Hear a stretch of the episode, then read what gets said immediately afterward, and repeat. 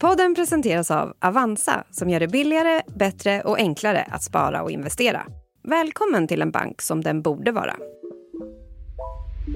För Ungerns försvar och eh, för flygvapnet så innebär det en stor höjning av kapaciteten.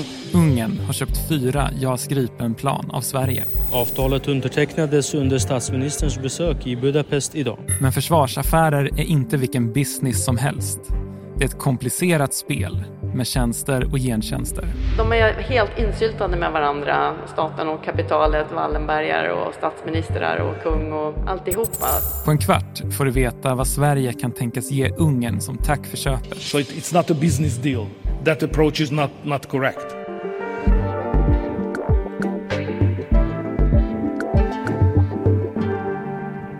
Det är den 4 mars och det här är dagens story från Svenska Dagbladet med mig Henning Eklund. Gäst idag Birgitta Forsberg, politikreporter på SvD. Birgitta, vad kostar ett JAS Gripen-plan? Ja, faktiskt är det så här att det är bland de billigaste stridsplanen du kan köpa.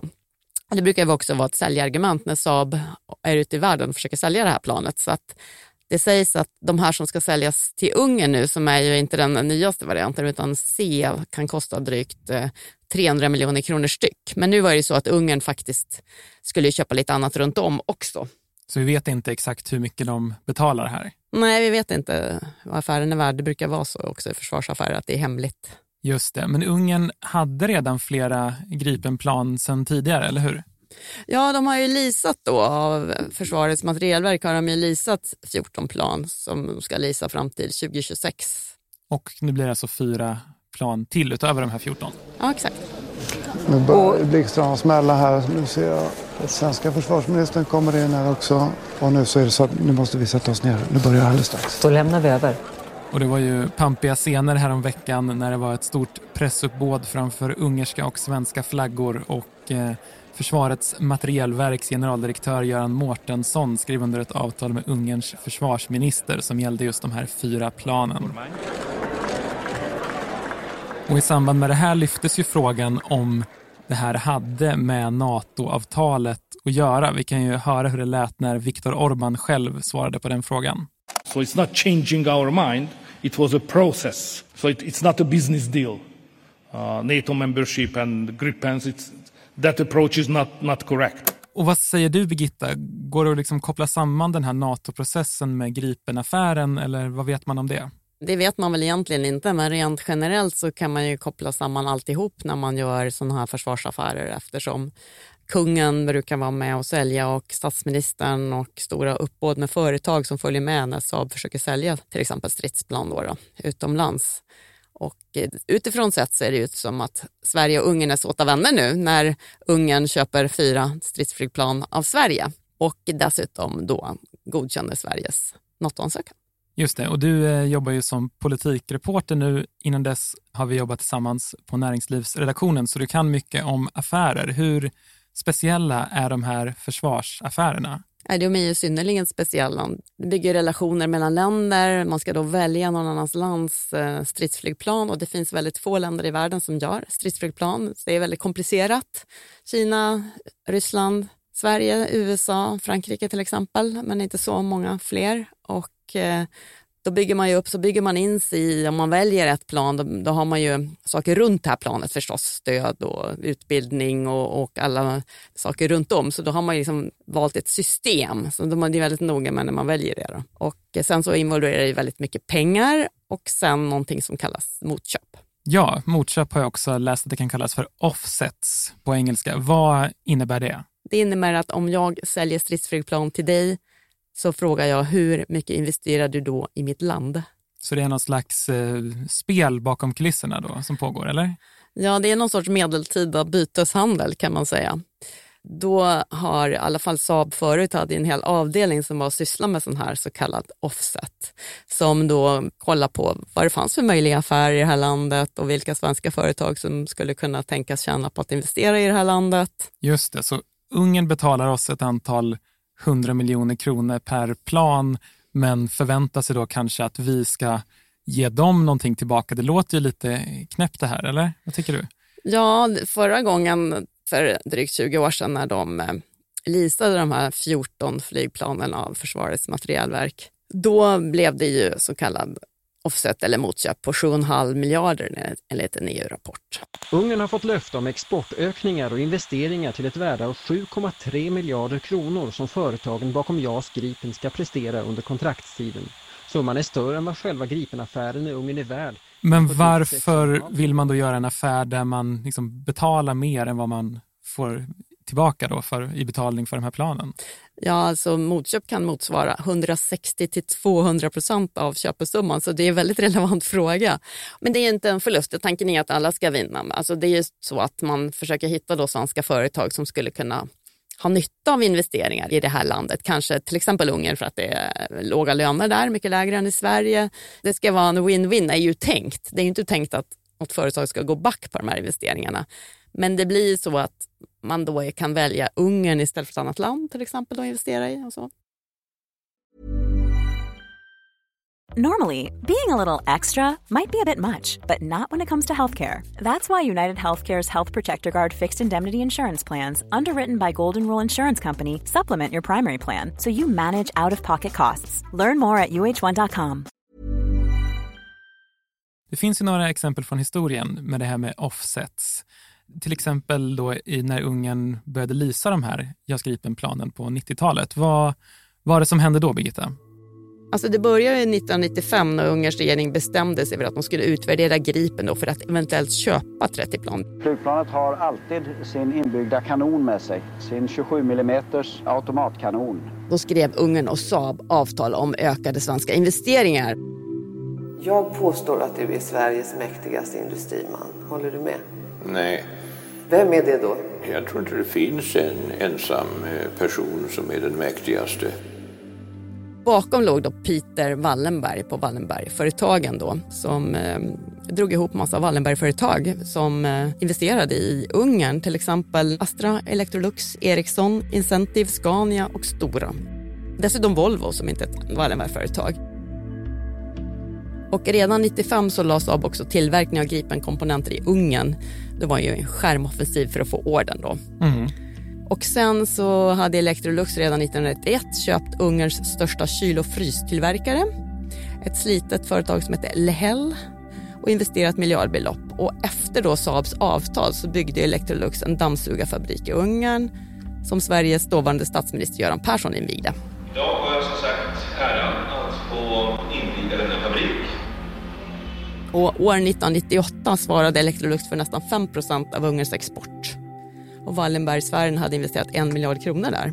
Ändå blev det ju ingen affär då. De köpte inte de här 30 planen utan de leasade ju 2001 så leasade de och då tog ju motköpen fart igen då, då. Och då har jag ett exempel här med en eh, dammsugarfabrik i Västervik som drevs av Electrolux och som bolaget visade upp för ny teknik och sa att den var så himla effektiv och de kunde sätta ihop en dammsugare på väldigt få minuter. Men två år senare flyttades den till Ungern. Det var ju den 3 november 2004 så det var ju det sista ordentliga arbetet som vi gjorde. Sen var det ju bara att plocka ner allt i, i lådor för att skicka till Ungern sedan. Och då grävde Västerviks tidningen fram då att det var ett motköp för den här affären så de medgav det och sa ja jo men vi vill investera utomlands och det stod mellan Ungern och Polen och det blev Ungern. Mm-hmm. Så som aktieägare i Electrolux kan man inte vara säker på att de Alltså de kan fatta beslut för att det är bra för ett annat Wallenberg-företag, då låter det som. Ja, varje bolag ska ju som du säger bara gynna sina egna aktieägare. Men eh, här hjälper de ju varann också.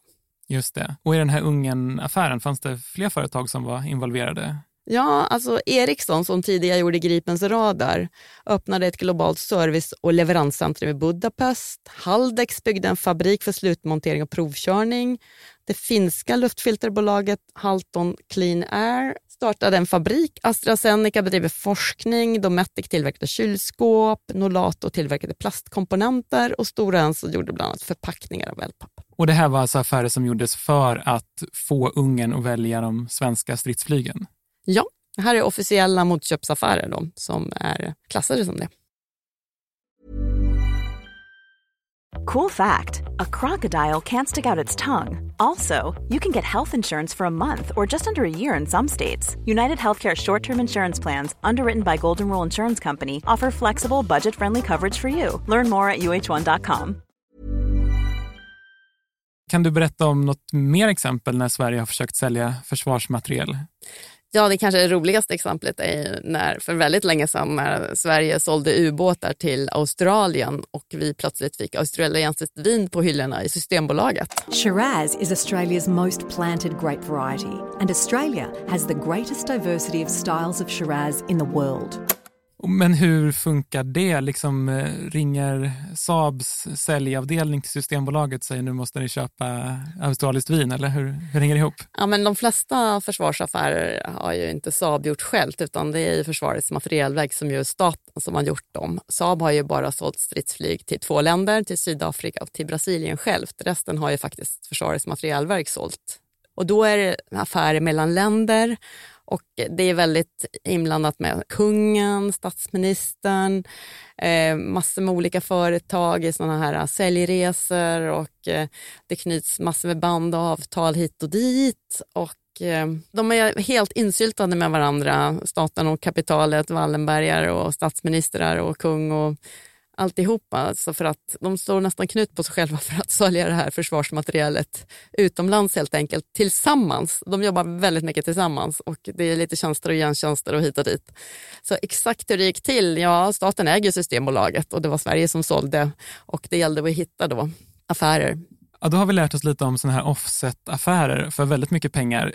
Är det verkligen rimligt att det här systemet fungerar som det gör? Eller finns det några, liksom, någon kritik mot det? Ja, så Sverige gillar inte det. Så vi kör ju inte offset. Vi kräver ju inte offset själva när vi köper. Och EU-kommissionen försökte faktiskt förbjuda det, men blev ju då nedröstat av medlemsländerna. Så det gick inte. Ja, Okej, okay. men de allra flesta länder internationellt vill ha det så här, eller? Ja, uppenbarligen. Och i det här fallet då, när eh, Ungern nu har bestämt sig för att köpa fyra JAS-plan, vad skulle kunna vara offset i det här fallet? Det, det finns alltså tre olika sorters motköp. Det, dels är det direkt militär och så är det indirekt militär lite runt det och så sen eh, är det bara vanliga företag som investerar. Och Saab har ju då sagt i samband med det här köpet av de här fyra planen har de ju sagt att de ska hjälpa till att utveckla högteknologisk industri och stridsflyg och samarbeta med ungerska regering och industrin på ett antal teknikområden för att stödja Ungerns framtida förmågor kopplade till stridsflyg. Och så ska de etablera ett, kanske etablera ett kunskapscentrum kopplat till bland annat VR-teknik för att stödja stridsflyg. Just det. Och det är ju mer militära motköp då, som Saab självt kan göra. Men sen eh, så vore det väl konstigt om Ungern fick så mycket motköp förra gången att de inte kräver det nu också, att det blir investeringar i landet så att säga.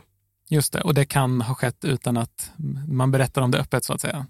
Ja, absolut. Det här är ju militära motköp. Sen kan det ju finnas också som förra gången att det är vanliga svenska företag så att säga som investerar i landet och ofta begär man ju 100 kanske procent motköp av affären och så blir det kanske 160 till 200 procent, visar ju tidigare undersökningar att det blir, av ordervärdet för affären och då står ju andra svenska bolag för det. Då, då. Mm. Och det blir ju ett spel på väldigt hög nivå låter det som. Ja, men alltså Saab ska ju då göra någon sorts undersökning av landet och marknadsförutsättningar. Sen ska de då para ihop marknadsförutsättningar med rätt svenskt företag och se om de är intresserade och försöka pussla ihop det här så att det blir så mycket pengar som tänkt. Då. Hur ser det ut med risken för korruption vid sådana här affärsuppgörelser där det är offset och stora belopp? Ja, alltså det är ju själva försvarsaffären brukar ju vara väldigt stora belopp och där har man väl sett misstänkta mutor ett antal gånger, bland annat då när Saab sålde Gripen till Sydafrika. Så fanns det ju mutmisstankar och utredningar och sådär. Ja, okej. Okay. Eh, om vi ska försöka knyta ihop den här spännande försvarsmaterielsäcken här. Tjänar Sverige pengar på en sån här affär när man måste investera så mycket tillbaka i Ungern? Ja, det vet jag faktiskt inte om någon har räknat på, men tanken är ju då att alla företag ska tjäna på sina investeringar. Om Electrolux lägger en fabrik där så får man väl anta att det finns bra förutsättningar med låga löner och bra infrastruktur och så och eh, så vidare. Så tanken är att alla ska tjäna på det.